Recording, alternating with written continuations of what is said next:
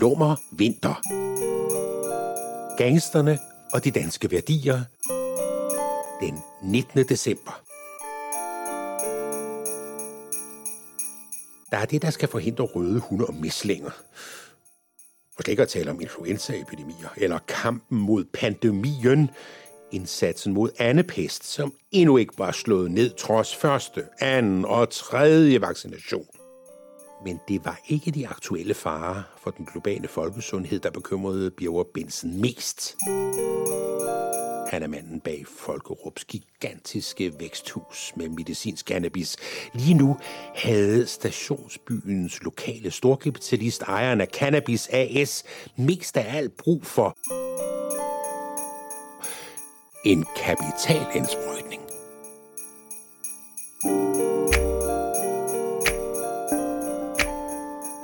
Bliver en lummer vinter For under sneen forstummer de dumme klummer Der tænder som mundtunger Forhindrer det unge under der glimter.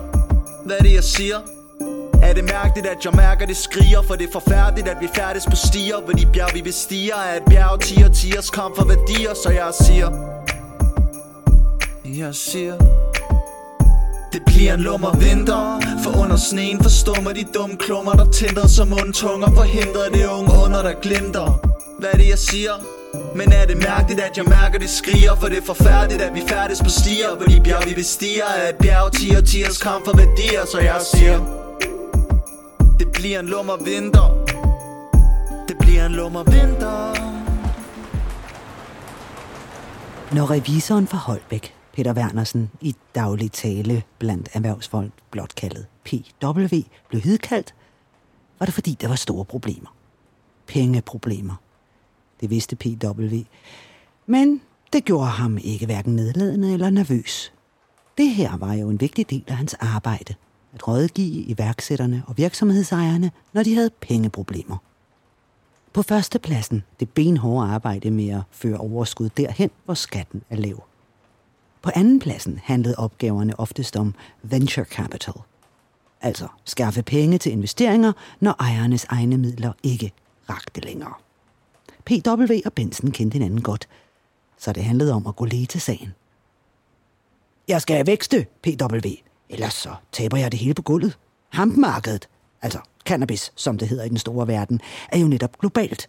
De store medicinalfirmaer vil i længden ikke nøjes med min produktionskapacitet. Og så er der hele det store legaliseringsprojekt, hvor flere og flere stater over hele verden gør det muligt at bruge cannabis som rusmiddel. Det vil kræve en helt anden kapacitet. Jamen, i den sammenhæng er produktionen her på farmen her i Folkerup er sammenlignet med en potteplante på altanen i en toværelses lejlighed. PW, en lille mand med glatbarberet hoved, lyttede, nikkede frem og tilbage som en buddha i en orientalsk restaurant. Nu kom Biver Benson til sagen. Jeg er på jagt efter risikovillig kapital, der skal bygge verdens største væksthus her i Folkerup. Ah, men det er sgu ikke så let, fordi det der med cannabis stadig lugter for meget af Christiania og kriminalitet. Benson fatter sig. Nu er jeg blevet kontaktet af bitcoin-milliardæren Jack Black. Ja, han hedder jo egentlig Jan Olsen og er søn af den gamle rockerleder Honda Torkild. Men den unge Jack har set, at fremtiden ligger i det legale marked. Faren har alle dage levet af kriminalitet. Sønnen drømmer om at blive rig i bitcoins og alt det der, jeg ikke aner en pind om. Men bitcoins, guld eller dollars. Finanserne skal arbejde for at formere sig. Og han vil investere, fordi han tror på, at cannabis bliver lige så lovligt et rusmiddel som fransk bourgogne eller brændevin.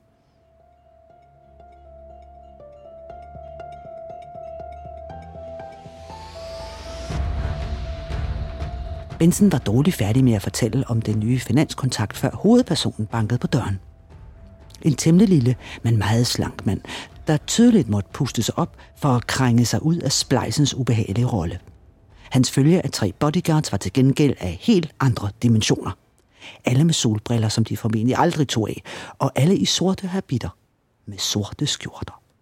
PW blev øjeblikkeligt skeptisk. Biver Benson blev, helt ærligt, en smule bange og havde en ubehagelig mindreværdsfølelse, da de satte sig ved det store, mørke mødebord, selvom det faktisk var Benson, der var verden. Ret tidligt i samtalen rejste Bjørn Benson noget af sin skepsis for det finansielle samarbejde med Jack.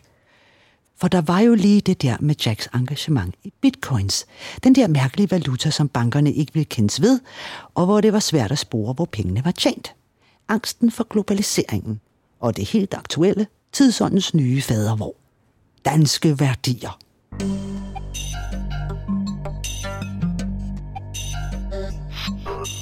Slap nu af, Benson.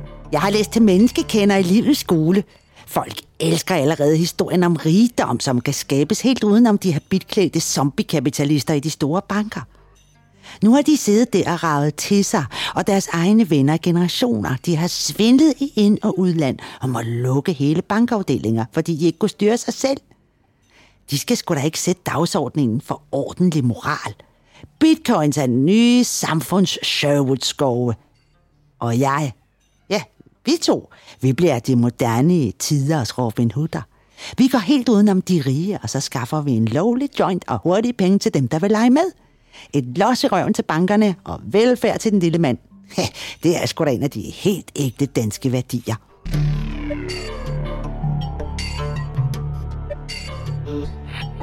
Jack Black var helt oppe og køre resten af mødet. Begrebet overbevist eksisterede i den lille time møde 2, ikke i Bensens tankesæt. PW havde opgivet at blande sig i samtalen, lige indtil seancens slutning, hvor Biver stilfærdig rådgiver, statsautoriseret revisor, Peter Wernsen, forsigtigt spurgte Jack, om de måske var lidt for tidligt ude med en investorsamarbejde. Lige nu. Hvad nu her, PW? Nu snakker du sgu som en røst fra fortiden. Som en slidt prædikant med et dødt evangelium blandt de gamle pengemænd. Jack pegede på ham med en finger, så spids at den formentlig havde boret sig ind i den lille skaldede mands hjerte, hvis bitcoin-milliardæren havde trådt bare en halv meter længere frem. Hvordan pokker tror du, at det her lille latterlige land havde set ud, hvis Dalgas ikke havde opdyrket heden? Eller hvis Ole Kirk Christiansen ikke havde støbt trælejetøjet om til Lego-klodser? Eller den helt store mand, skibsrederen? Tror du, A.P. Møller ville være blevet blandt noget som helst af de største, hvis ikke han havde taget chancerne, da de bød sig? Det vi gør, det er noget, vi har lært af den gamle skipper Arnold. Rettidig omhu. At handle før det er for sent. Det er da om noget et udtryk for de danske værdier.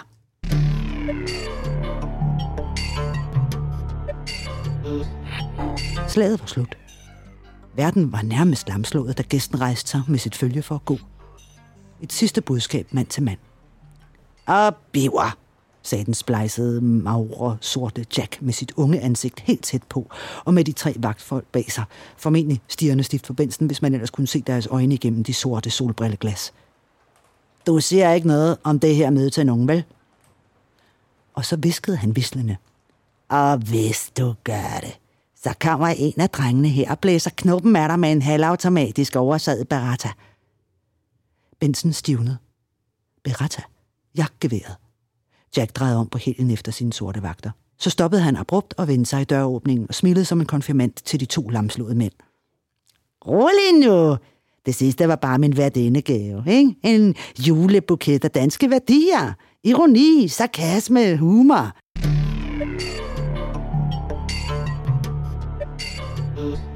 You name it.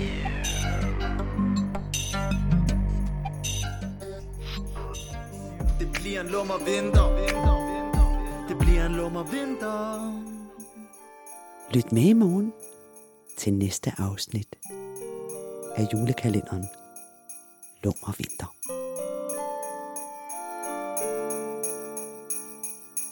Musikken til Lummer Vinter er skrevet, komponeret og sunget af Sebastian Brønum. Det bliver en lummer vinter.